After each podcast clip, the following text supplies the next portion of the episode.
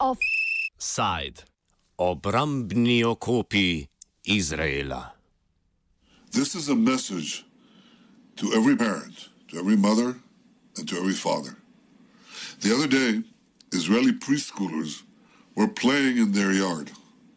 Out of nowhere, an innocent looking balloon descended upon them. Yet this was no ordinary balloon. Palestinian terrorists attached burning flames to it. They turned a child's toy into a weapon of terror. We smelled a fire, one preschooler shouted, standing between a, a sand pit and a red slide. And these, these beautiful children were nearly burned alive. Their brave teacher led the terrified children to safety just in time. Thankfully, their precious lives were spared. Now think about this. What does it say about the terrorists that run Gaza? That they try to burn Israeli preschoolers alive. And so when you drop your son or daughter off at school today, I want you to hug them. Hug them especially tight. Tell them you love them. Tell them you'll always protect them. Then call up another mother or father and tell them this story. This is what Israel defends itself against every single day.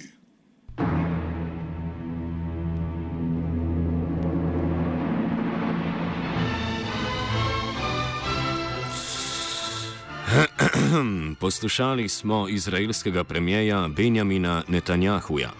Zaskrbljeni starši, ne bojte se preveč, kajti Izrael se zaenkrat junaško brani.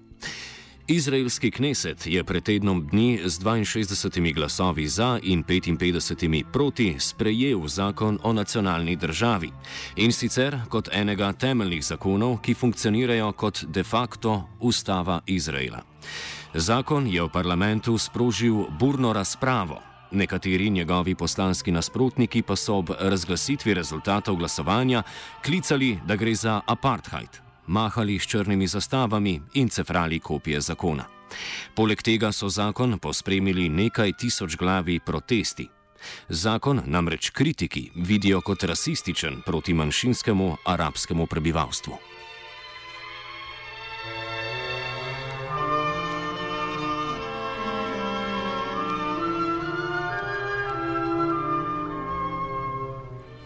Dalija Šendlin z Tel Avivskega spletnega portala Plus 972 Magazine ključno sporno točko novega zakona vidi v definiranju Izraela kot judovske države. You know, the most problematic part of it is the very fact that the, that the that the, the law was passed in order to determine Israel's Jewish character at a time when there is no uh, state that functions for self determination of Palestinians, and therefore we have a Palestinian minority inside Israel, as well as the Palestinians Israel controls in the West Bank and effectively controls over Gaza, who have no self determination. So, uh, the, you know, the, first of all, the symbolic meaning of passing a law just to uh, define Israel as a Jewish state is problematic uh, at the at that level because it gives no expression to Israel's minorities.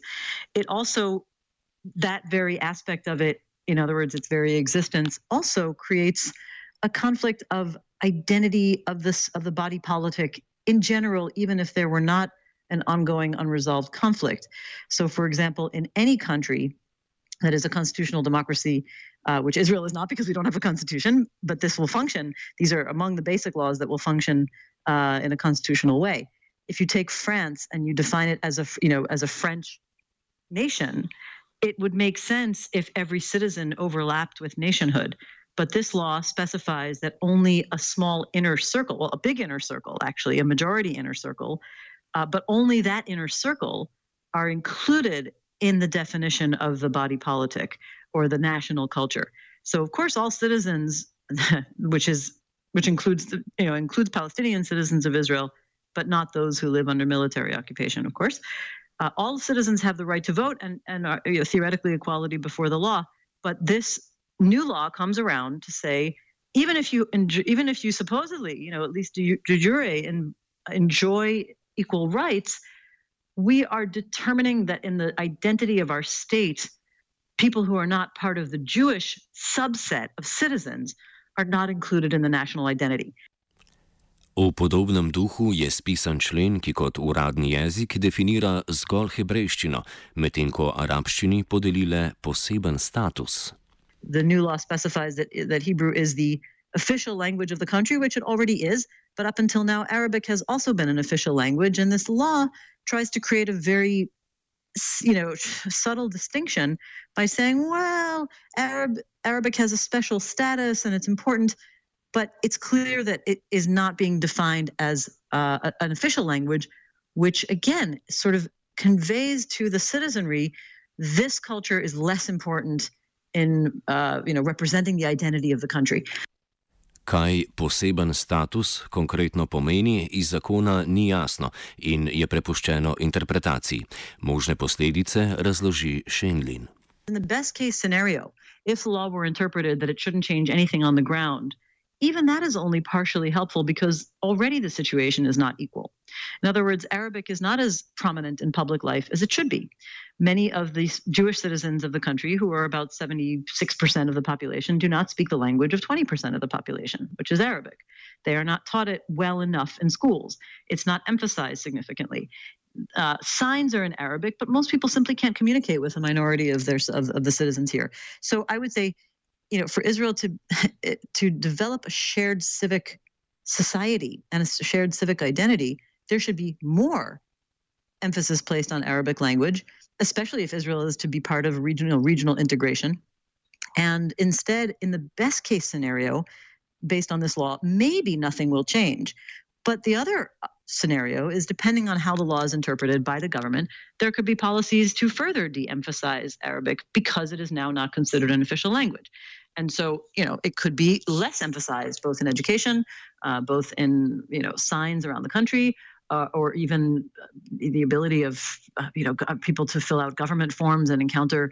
I mean, what does an official language mean? It means that when you encounter public institutions, the language doesn't necessarily have to be used, which will make it increasingly difficult for Arabs to simply function. Sedmi člen je bil tekom parlamentarne debate še posebej izpostavljen kot problematičen. V njem je zapisano, da so judovske naselbine v nacionalnem interesu in bo država njihovo širjenje spodbujala. Uh, Article 7 has also been considered a problem because it has to do with uh, it's the clause dealing with Jewish settlement and says that the state prioritizes, you know, the actual language is that uh, Jewish settlement is a national value and the state wants to encourage it.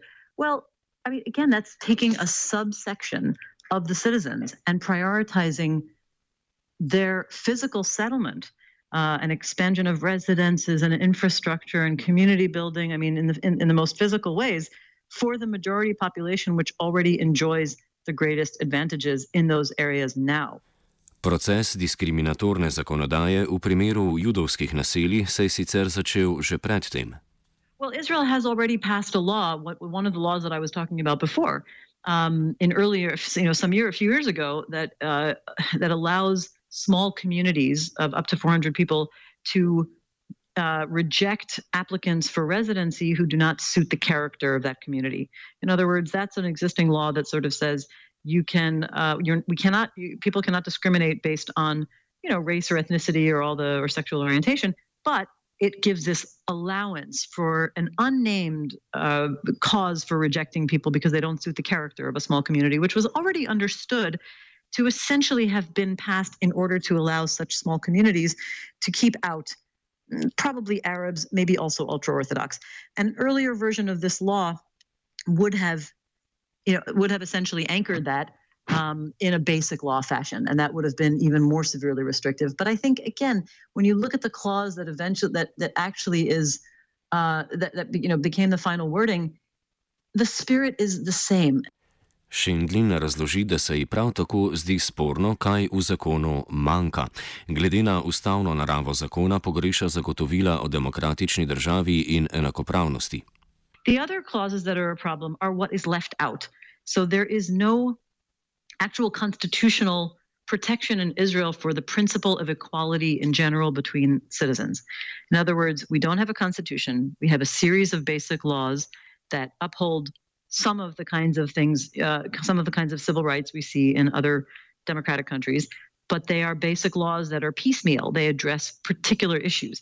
And so there's not an overarching anchor for the concept of equality between all citizens and not not not a general anchor for the principle of equality.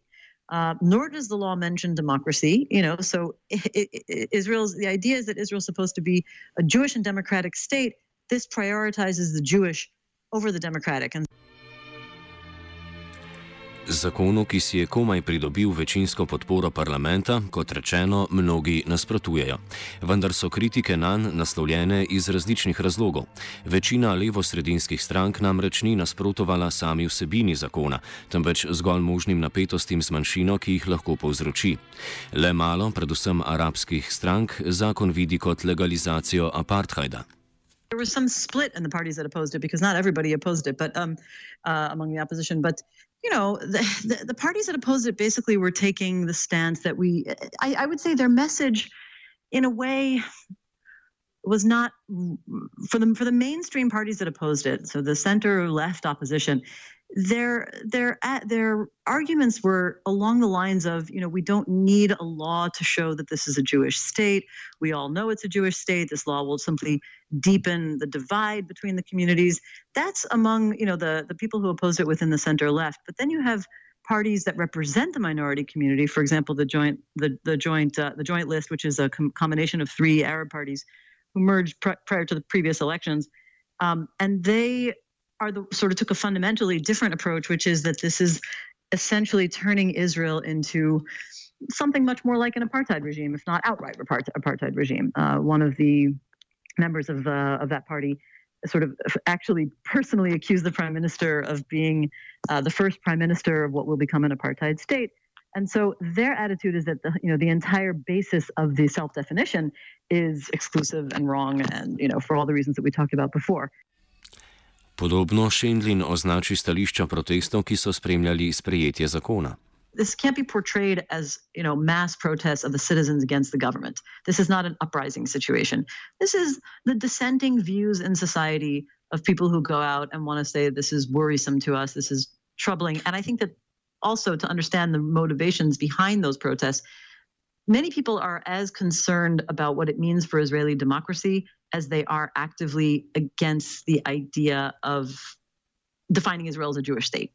And what I mean by that is the kind of people who are demonstrating, many of them would are, believe Israel is a Jewish state, but think the law and its passage in general, and especially at this time, are destructive and threatening to Israeli democracy. Šendlin novi zakon vidi kot še enega in najpomembnejšega v vrsti zakonov, ki so postopno legalizirali vse večjo diskriminacijo arabskega prebivalstva. Ta proces, ki se je po njenem začel leta 2011, diskriminacijo upeljuje tudi de jure, ne zgolj de facto.